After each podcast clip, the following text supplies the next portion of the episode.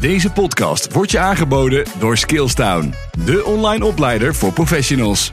Welkom bij weer een nieuwe aflevering van de podcastserie Organiseren van Corporate Leren. Als je voor de eerste keer luistert, mijn naam is Mieke Postumus. En in de podcast ga ik in gesprek met deskundigen die een specialiteit hebben in de wereld van leren in organisaties. Zo illustreren zij mijn witboek, waar ik mijn kennis en ervaring met organisaties van corporate leren in beschrijf. Vandaag ga ik de hemd van het lijf vragen van Henk Kuhn. Henk is gespecialiseerd in het initiëren en vormgeven van innovatieprocessen. Zo is hij direct betrokken geweest bij de totstandkoming en doorontwikkeling van verschillende future centers wereldwijd. En in Nederland heeft hij onder andere bij het Future Center van Rijkswaterstaat uh, veel gedaan. En met die Future Centers snijdt hij een belangrijke vorm van leren in organisaties aan, namelijk kenniscreatie. Henk, fijn dat je er bent. Ja, ik vind het ook heel leuk om uh, met jou zo'n gesprek te hebben. Ja, ik, uh, ik ga je van alles vragen. Uh, we gaan zorgen dat het een beetje bij uh, de, het leren in organisaties uh, blijft. Ja. Het zullen uitstapjes hebben, want je bent heel internationaal bezig. Ja. Maar nou, we gaan kijken. Dus ik stel je veel vragen als ik het zelf ook niet helemaal helder heb. Want je bent zeer bevlogen. Ja. En weet het allemaal veel te vertellen. Maar soms dan moet ik eventjes denken van... oh ja, wat bedoelt hij nu precies? Dus zo gaan we het gesprek ook in, hè, hebben we afgesproken. Klinkt goed. Ik, uh, wij hebben elkaar voor het eerst ontmoet uh, bij het ministerie van Sociale Zaken, lang geleden alweer. Waar uh, onder de bezielende leiding overigens van Ina Brouwer. En ja, de, wat oudere luisteraars die zullen haar nog wel kennen uit de politiek. Um, maar zij ging een, een Future Center opzetten. Jij was daar al bij betrokken. En voor mij was het destijds een, een heel nieuw begrip. Uh, uh, en ik merkte al snel dat jij, uh, ja, ik ben het maar gaan noemen, Mr. Future Center was en nog steeds bent. Maar een Future Center, ja, het begrip zegt natuurlijk in die zin al heel veel, toekomst. Maar wat, wat, wat is het? ja, precies kan ik niet vragen waarschijnlijk, maar omschrijf het eens, een Future Center. Nou, een Future Center is een ruimte die toegewijd is aan innovatie, aan het uh, helpen van mensen uh, nieuwe en bruikbare uh, dingen te ontwikkelen. Het is een brain-friendly omgeving. Dat wil zeggen, het voedt de hersens in plaats van zoals heel veel ruimtes de hersenen doden. Het is een ruimte in de breedste zin des woords. Het is een fysieke ruimte, maar ook een virtuele ruimte, een sociale ruimte, een cognitieve ruimte, een emotionele ruimte. Ho, ho, ho, ho. Ja, maar... Dat zijn hele verschillende uh, dingen. Een fysieke ruimte snap ik. Ja. He, dat, dat, uh, we hebben destijds, we komen straks nog wel op bij Rijkswaterstaat, uh, gezien hoe ze uh, nou ja, hele bijzondere ruimtes inrichten om te zorgen dat mensen met elkaar kennis delen en tot nieuwe kennis komen. Dus die fysieke ruimte snap ik. Online kan ik me ook nog iets bij voorstellen. En dan zeg jij emotionele ruimte, sociale ja, ruimte. Heel belangrijk is de mens creativiteit is iets in een persoon, maar innovatie gebeurt tussen mensen.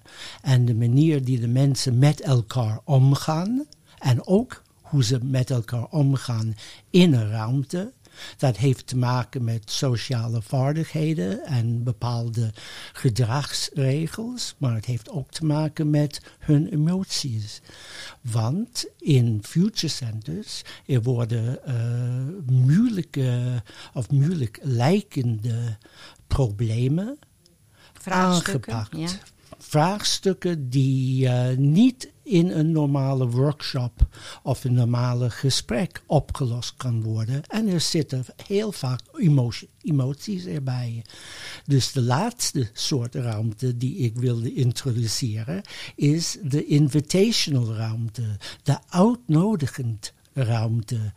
Want in een Future Center worden men uitgenodigd om ongewone dingen te doen. Uh, de dingen anders doen dan normaal. Juist om tot, uh, ja, noem het oplossingen voor die moeilijke vraagstukken te komen? Nieuwe inzichten, uh, potentiële oplossingen, andere manieren om met een vraagstuk om te gaan. Uh, denken in meer perspectieven als altijd in één of twee. Of denken in één of twee perspectieven als altijd uitweiden naar te veel. In future centers worden mensen uitgenodigd om het anders te doen dan normaal.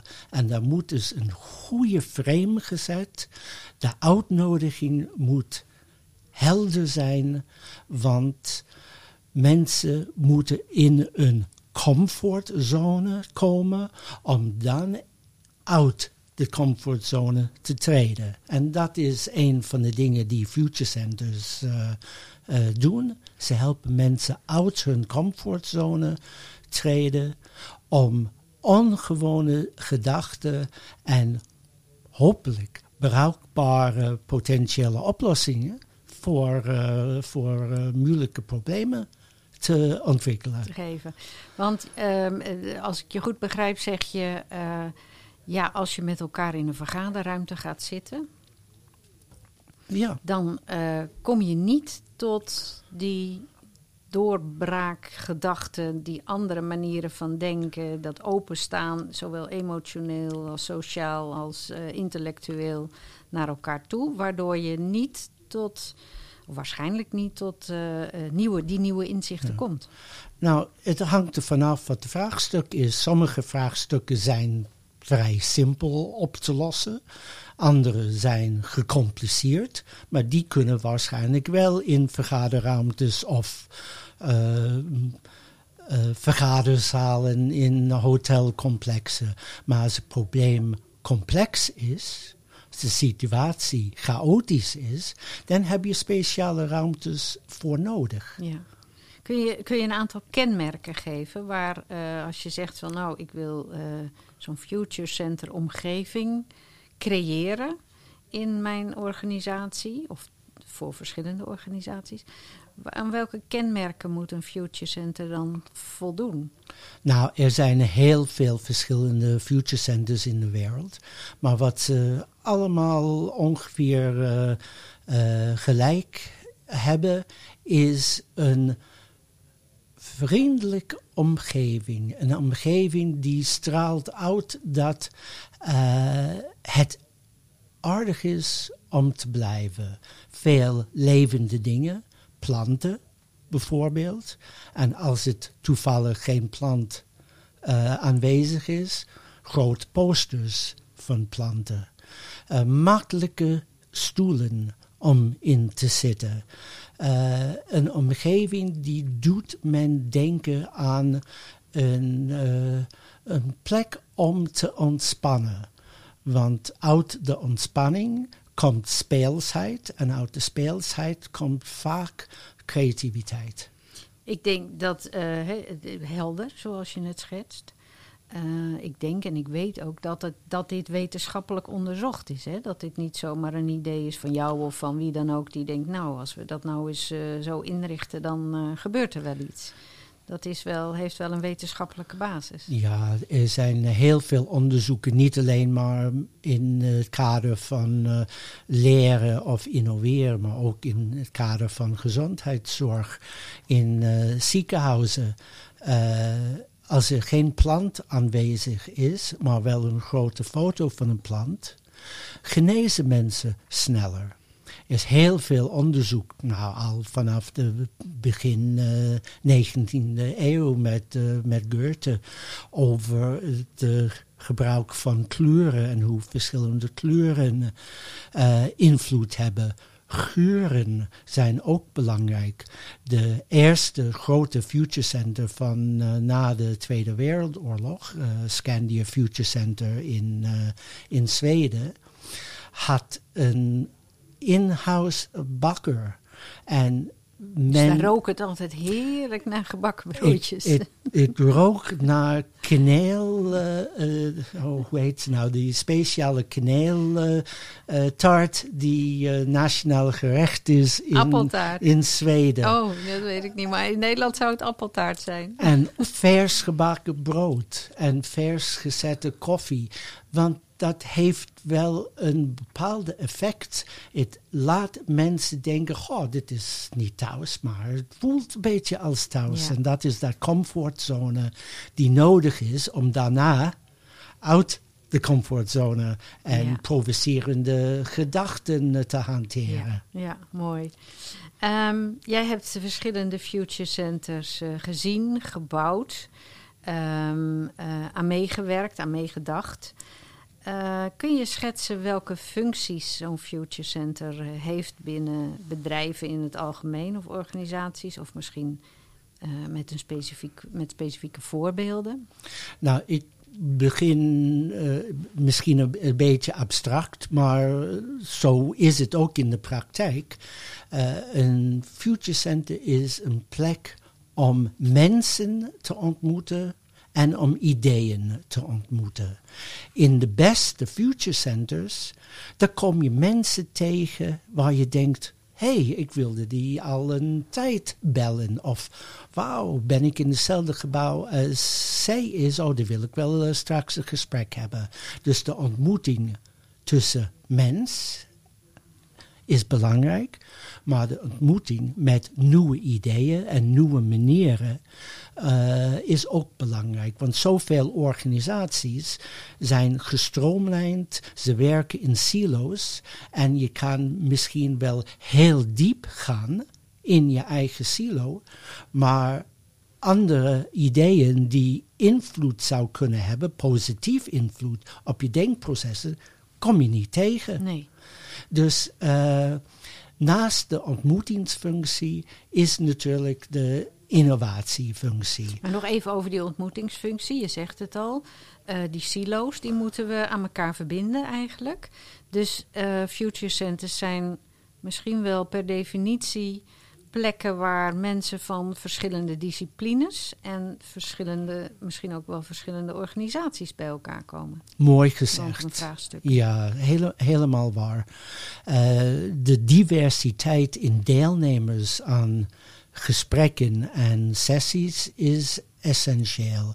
Van binnen de organisatie en liefst ook van buiten de organisatie. Een van de goede future centers van Nederland. Uh, uh, bij de ABN AMRO Bank. Uh, die had de functie om de medewerker en de buitenwereld in contact te brengen. De, voor wederzijdse verrijking. Hier heb je eigenlijk al hè, mijn vraag van uh, welke functies kan een Future Center vervullen in een organisatie. Zo, de, de voorbeeld van de ABN AMRO is daar dus één van. De klanten en uh, de, de, de, de innere wereld van, uh, ja. van, van de bank bijeenbrengen. Heb je nog andere voorbeelden of beschrijvingen van wat een hm. Future Center kan betekenen? Ja, naast de ontmoetingsfunctie en de innovatiefunctie is natuurlijk de leerfunctie. Want uh, alle processen van innovatie zijn processen van leren. leren ja. En ik zou zeggen, alle leerprocessen zijn of moeten innovatieprocessen uh, zijn. Dus men leert nieuwe vaardigheden, uiteraard nieuwe kennissen, nieuw gedrag, nieuw mentaliteit. En met behulp van een facilitator wordt het dan toegepast op een echte vraagstuk. Een vraagstuk die belangrijk is voor de mensen en belangrijk voor de organisatie en idealiter ook belangrijk voor de samenleving. Ja, want we zijn dan, je hebt zelf wel heel mooi die relatie naar leren gelegd. Uh, daar zitten we hier natuurlijk ook voor, hè? leren in uh, corporate leren in, uh, in organisaties.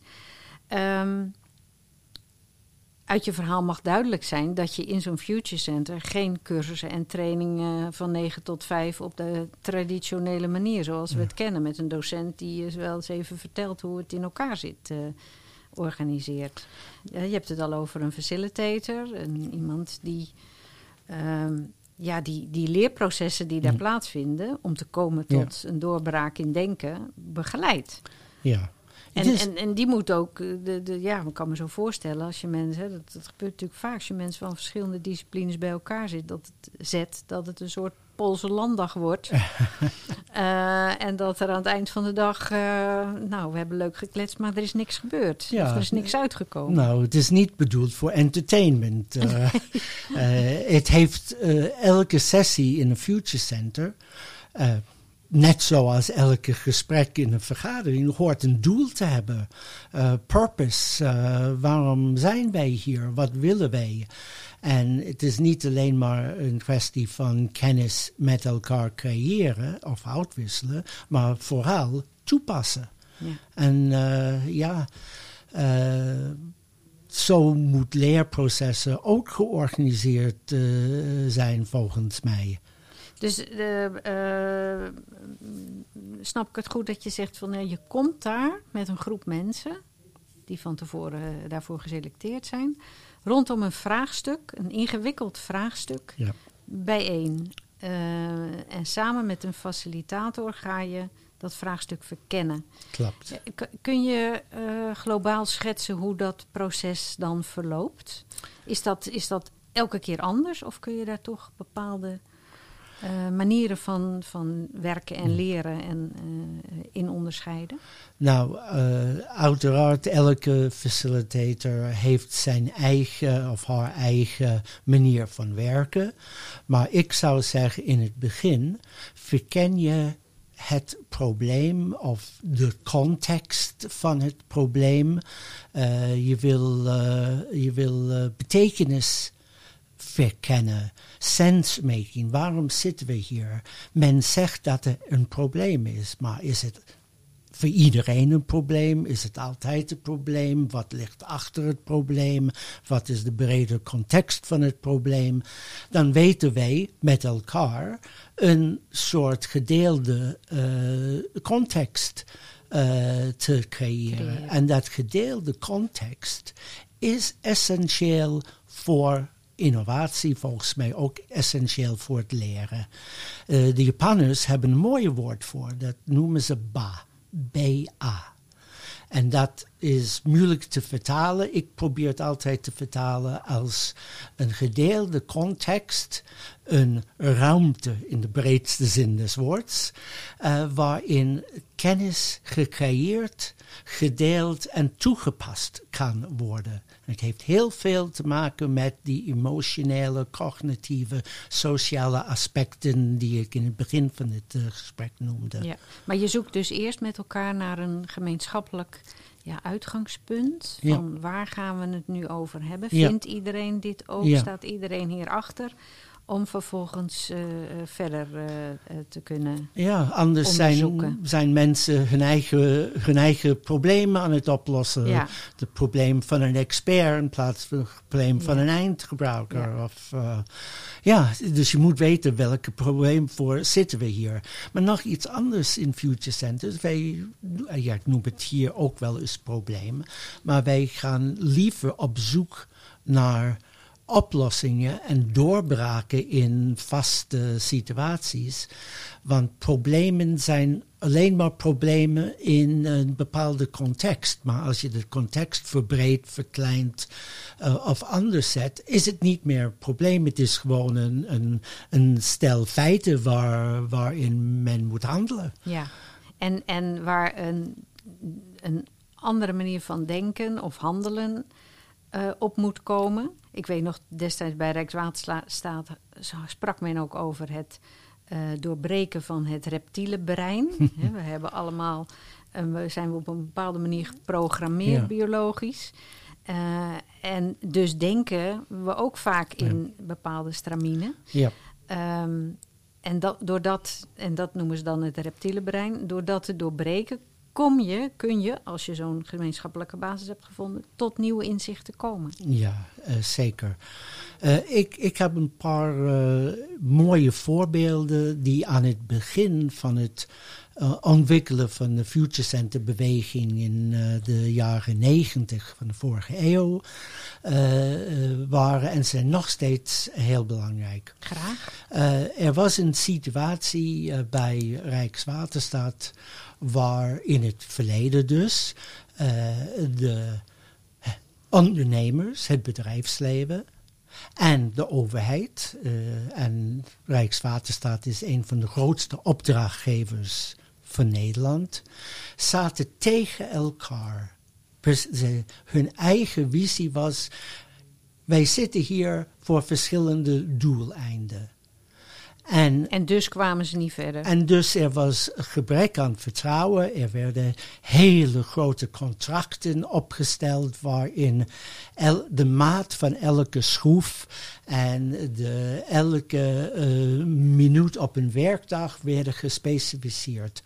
En dat was een onhanteerbare situatie. En in het Future Center van Rijkswaterstaat was toen de tijd een traject dat heette Bouwen op Vertrouwen, Building on Trust. Uh, waar de ondernemers, de bouwers, en de mensen van Rijkswaterstaat, de overheid, moesten eerst bedenken in een bepaalde situatie wat de tegenpartij zou willen en denken. En dan met elkaar discussiëren. Dus dat, dat deden ze, dat deden in, ze het Future in Center. het Future Center. En de, de doorbraak kwam toen het bleek dat beide partijen eigenlijk precies dezelfde wilden. Gebruikten misschien andere woorden voor. Maar ze wilden gewoon iets goeds doen in de samenleving tot het beste vermogen die ze hadden. En ze eigenlijk precies dezelfde doeleinden had. Waardoor dit proces van uh, topmanager tot projectleider, tot de werkvloer een aantal keren uitgevoerd was en de hele verhouding tussen ondernemer en, de, en opdrachtgever veranderde voor het beter. Dat is één voorbeeld. Ander voorbeeld, en dat komt van een heel belangrijk uh, future center in Denemarken, de Mind Lab. Uh, zij doen heel veel onderzoek met hun uh, deelnemers. Ze wilden een opdracht om een nieuwe vorm van een ziekenhuis te ontwikkelen. En gingen ze terug in de tijd onderzoeken waar de eerste ziekenhuizen van de wereld en de eerste ziekenhuizen van Europa en de eerste ziekenhuizen van Denemarken, wat voor functie had ze? Waarom dacht men ooit dat een ziekenhuis belangrijk was? En hoe dat ontwikkeld was door de eeuwen en in de moderne tijd na een aantal decennia, waardoor ze veel en veel wijzer waren over wat de functie van een ziekenhuis in ons tijd zou zijn. En hierbij wil ik een belangrijke les van de Future Center uh, vertellen. Het is de verbinding van heden, verleden en toekomst. Ja, ja. Dus echt die mind van ons dat reptiele brein openzetten, ook binnen onszelf. Niet alleen tussen de uh, mensen die aanwezig zijn, maar ook in onszelf om open te staan, terug te kijken, vooruit te kijken en naar het nu te kijken. Absoluut, ja, ja zo mag is ik, Mag ik het uh, samenvatten als onderzoekend leren? Ja, dat is, is dat zeker onderzoekend leren. Ja, absoluut, dat, uh, ja. Um, ik heb destijds bij Rijkswaterstaat het Corporate Learning Center mogen opzetten. Uh, toen was er, toen werd het nog niet zo genoemd, een, een, een soort future center, het Mobilion. Dat is toen um, omgetoverd, toen het nieuwe pand daar aan de A12, hè, dat hoge waar ze nog zitten. Um, dat moest do doorontwikkelen tot een, een echt future uh, center. Nou, ik en jij en nog een paar mensen hebben ons er destijds heel hard voor uh, gemaakt, of heel sterk voor gemaakt om dat samen te brengen. Om het CLC, het Corporate Learning Center en het uh, Future Center, uh, LEF geheten, om dat samen te brengen. Omdat wij zeiden, ja, in een um, academie, een corporate academy uh, in een organisatie, heb je cursussen en trainingen. moet je met elkaar kennis delen en nieuw beleid en instrumentarium en zo implementeren en kijken hoe dingen beter kunnen gaan lopen. Maar ook dat onderzoekende eh, leren. Want eh, zeker overheidsorganisaties, maar daar komen we zo nog op. Alle, alle organisaties, alle bedrijven, die hebben met vraagstukken te maken waar oplossingen voor gezocht moeten worden. Dat was in de tijd dat ik er was onbespreekbaar. Jij weet dat ook nog. Ja, ja helaas. Ehm, helaas. Later is dat eh, redelijk eh, goed gekomen. Maar wij waren eigenlijk onze tijd een beetje vooruit. Zie jij nu wel in de wereld, in Nederland en in de wereld, ehm, bewegingen waar het wel samengevoegd is? Ja, uh, men moet altijd op vertrouwen bouwen. En uh, net zoals in elke huwelijk kan je een gelukkig huwelijk, als er veel wederzijds vertrouwen is, of een ongelukkig huwelijk. En vaak is het uh, leren en het innoveren een ongelukkige huwelijk. Ja, mooi gezegd. Ja. Het, het heeft wel te maken met hoe leren wordt georganiseerd. Als leren wordt gezien als uh, het inpompen van nieuwe kennis of nieuwe vaardigheden en oefenen, oefenen, oefenen. Ja, dan. Uh, dan wordt het lastiger om dat innoveren erbij te ja, betrekken. Dus de toepassing van nieuwe vaardigheden, nieuwe mentaliteit, nieuwe kennis, wat eigenlijk de Future Center doet, dat moet heel goed uh, nou, het moet een, een, flow, een, een, een, mooie stroom van wat je leert, hoe je toepast, een beetje gecoacht toepassing. Uh, maar zonder, zonder behoefte van toe te passen in de werksituatie. Nou, dan, dan heb je twee silo's weer ja. in plaats van een uh, geïntegreerd geheel. Ja. Het werkt wel in sommige organisaties. Er is een uh, hele goede Future Center uh, Corporate Leercentrum uh, in uh, Japan, waar ik ook een beetje heeft helpen ontwikkelen en, en opzetten bij grote, grote bedrijven in Japan. En daar hadden ze in dezelfde, een en dezelfde ruimtes trainingen, toepassingen en echt co-creëren. Ja. Dus het kan wel. Ja, maar je, je, kan het dus onder één dak brengen. Je kan het onder één ja, dak. Ja, het, lijkt mij ook. Het heeft een bevlo bevlogen management nodig en, uh, en open, dynamische facilitators, uh, uh, moderators, docenten nodig. Ja, en, en, je moet kijken, wat ik ook in het witboek beschrijf, wat voor leervraag zit hier. Is het tekort aan kennis en vaardigheden van medewerkers? Uh, gaat het om het uh, uh, verbeteren van het going concern? Of gaat het om vernieuwen, om innoveren? Ja. En die vragen hun ook hun eigen type leeractiviteiten daarbij. Hè? Nou, vragen zijn heel belangrijk in het werken van future centers. Ja. Want mensen stellen soms te weinig vragen, of de verkeerde vragen, of ze accepteren te makkelijke antwoorden. Dus de vragen die je stelt, bepaalt de antwoorden die je krijgt. Ja. En uh, net wat jij zegt, het zijn de vragen en de vraagstukken en hoe men kijkt tegen een vraagstuk aan en de vragen die men stelt aan een ander, maar ook aan, aan, aan, aan zelf, Ja. die bepalen hoe dynamisch het leerproces of innovatieprocessen Ja. zijn.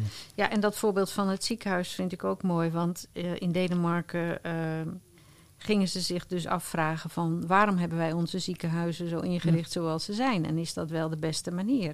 Dat is natuurlijk iets wat, wat gegroeid is.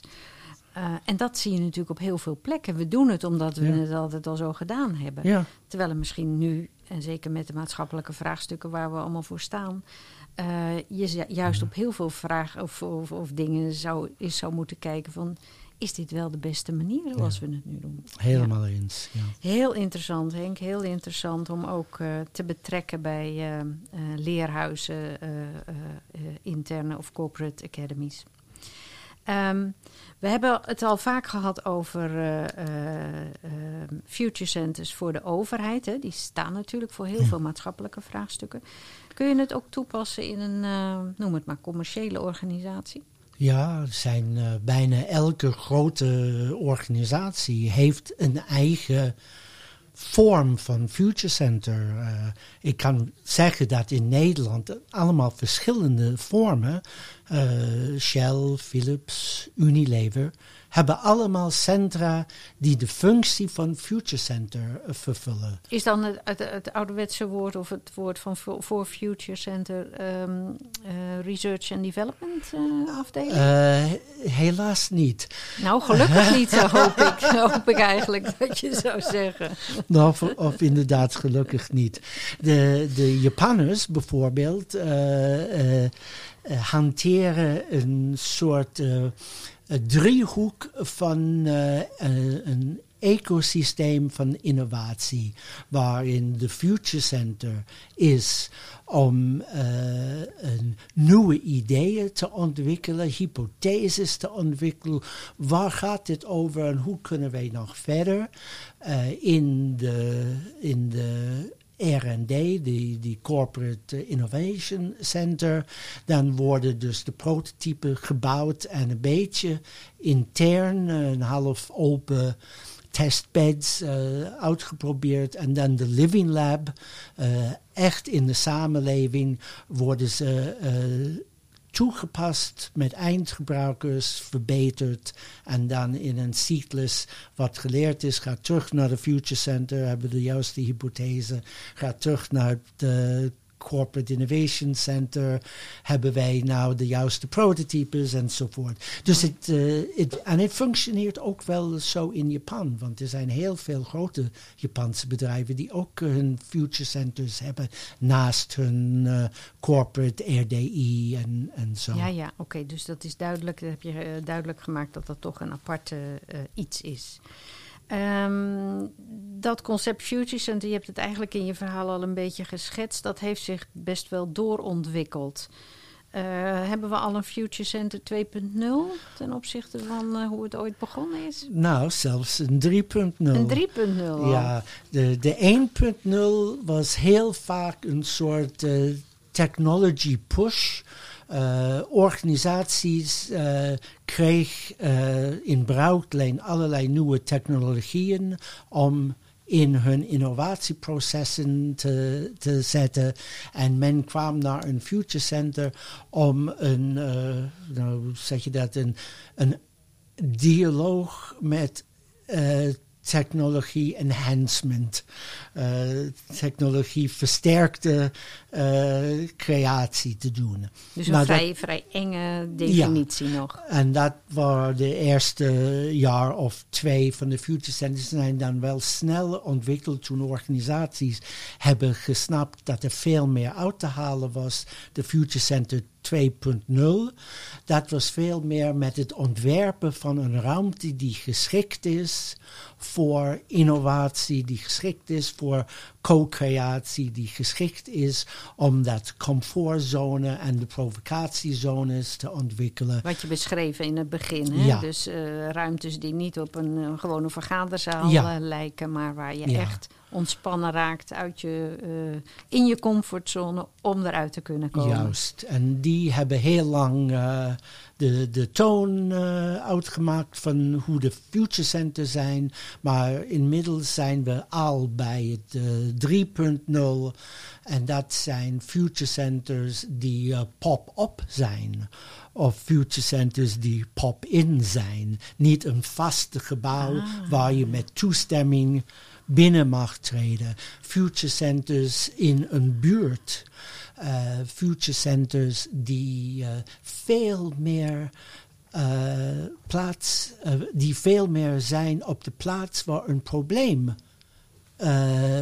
zich voordoet. Zich voordoet. In, in de 2.0 was het belangrijk dat men kwam naar een neutrale ruimte een ruimte dat uh, los van de corporate setting de kantoren, of, of los van de ja. kantoren was. Het was ook soms uh, geplaatst bij de voordeur van een grote organisatie, zodat de medewerkers die binnenliepen konden zien, nou, innovatie is belangrijk hier. Kijk eens, dit ruimte is ons Future Center. En even vaak werd het ver weg geplaatst, dat je dan ook de fysieke afstand kan voelen. Ah, ja. Maar in de 3.0, men zegt, nou, dit is de situatie in een buurt of in een clubhouse, op een sportveld of in een fabriek, waar een probleem zich voordoet. Hoe gaan we in de ruimte zelf zoeken met de mensen die daar zijn, plus de diversiteit van buiten, naar oplossingen. Maar daarmee schets je al dat het uh, uh, begrip Future Centers niet meer beperkt blijft tot bedrijven en organisaties. Dat klopt. Hoor je buurthuizen zeggen, uh, plekken op straat. ja, dat klopt. Dus het is een veel breder begrip ja. geworden, of breder toepasbaar begrip. En waar we naartoe gaan, en dat is een van de kernen van mijn huidige werk, is de zogenaamde Global Lab. De, de, de laboratorium waar collectieve en verspreide kennis allemaal samenkomt en dan uh, bij voorkeur ook digitaal, want het heeft geen zin om al die mensen in en uit te vliegen met zo'n grote carbon footprint en al die, die tijd die verspild wordt, maar waar mensen in verschillende uh, locaties in een land, in, op een continent of wereldwijd mee kunnen werken aan dezelfde problematiek. Worden de sustainable uh, goals nu ook al niet op die manier uh, van de VN ook al niet op die manier aangevlogen? Ja, laten we zo hopen. Ja, we lopen een beetje achter op het moment, maar oh. dat is wel de bedoeling. Ja, ja, sowieso. Is, ja, ja. ja, Maar het, het hele, uh, hè, met alle nare dingen die het ook gebracht heeft, de hele COVID-periode heeft dit natuurlijk wel een enorme boost gegeven. Ja, dat is zo. Even uh, los van het feit dat, uh, dat miljoenen mensen zijn gestorven zeker, of ziek. Zeker, ja. Het, het heeft laten zien dat wat je fysiek face-to-face kan doen, kan je ook online en face-to-face doen. En soms kan je verschillende dingen alleen maar goed in de fysieke ruimte doen, maar je kan ook andere dingen veel beter in de digitale ruimte doen. Dus uh, plotseling is iedereen bewust van het feit dat je hoeft niet lang te reizen om even een paar uur met collega's te zijn. Als je de goede ba, het gedeelde context, ook via een Zoom of een Teams of een andere platform kan creëren, kan je ook wonderbaarlijke dingen doen online. Ja, jij hebt daar al ervaring mee, hè? De afgelopen anderhalf jaar ja, gedaan. Ja, anderhalf jaar geleden heb ik nooit uh, van Zoom of, of die andere toepassingen gehoord. Ik was een beetje uh, uh, ongeletterd met dat, dat soort dingen, maar ik heb mezelf geleerd hoe je dat kan doen. Ik heb veel met collega's gesproken. En ik denk op dit moment uh, wil ik niet meer terug naar een wereld van overal reizen en overal vliegen. Alleen maar dat je bij een koffieapparaat uh, een goed idee kan uitwisselen met een collega. Dat kan ook digitaal bij ja. een denkbeeldige kopje koffie samen. Ja. Hoor ik hier al een 4.0 aankomen? Ja, dat denk ik wel. Ik zou het misschien nog niet zo noemen, maar het is wat mij betreft uh, een nieuwe, uh, een, een nieuwe uh, stap in het ontwikkelen van ruimtes die, die proberen vaste situaties te doorbreken. Ja, en um, um, die volgende stap die gaat er dus aankomen. Je schetste al van het is niet meer alleen beperkt tot organisaties, maar ook overal waar vraagstukken zijn. Er is natuurlijk niet een organisatie die zich daarmee bezighoudt, die dat aan het organiseren is. Hoe verspreidt zich deze uh, kennis en ervaring op het gebied van dit soort uh, manieren van werken en leren? Ja, door uh, mensen de ervaring te geven dat het uh, goed werkt. en uh, Zwaan kleef aan. ik ben enthousiast en iedereen die ik vertel kan misschien begrijpen, maar iedereen die ik nodig, die ik uitnodig naar een sessie, ervaart zelf en dan vertelt die personen het verder. Ja. En dat, dat, ik zeg het nu op een kleine en persoonlijke basis, maar hetzelfde geldt voor organisaties. Ehm, wij lopen helaas uh, wat achter in het realiseren van de Sustainable Development Goals van de Verenigde Naties. We lopen eigenlijk, uh, we zijn uh, volgend jaar is halfweg 2030 en is te weinig gedaan. Maar zou de Verenigde Naties zo'n concept omarmen? omarmen uh, volgens mij kunnen we heel veel verloren tijd. Ja. Nou ja, niet verloren tijd, want er is heel veel geleerd. Gedaan. Sowieso. Ja. Maar misschien niet de meest doeltreffende uh, oplossingen. En ik denk dat als grote organisaties gaan Future Center denken omarmen. Dus niet de Future Center zelf, maar uh, manier een van manier van, ja. denken die thuis hoort bij het doorbreken van, van uh, uh, moeilijke situaties, omgaan met zogenaamde dilemma's en zo. dan veel meer vooruitgang geboekt kan en dat, worden. Ja, en dat er dan olievlekken ontstaan Ja. die, die verder... ja, want als we dan... Hè, we, we komen een beetje aan het eind van, van ons gesprek als we dan weer teruggaan naar die luisteraar, uh, uh, die leerprofessional die aan de andere kant zit uh, te luisteren naar ons gesprek. En denkt, ja, zo'n future center, dat is allemaal groot en meeslepend.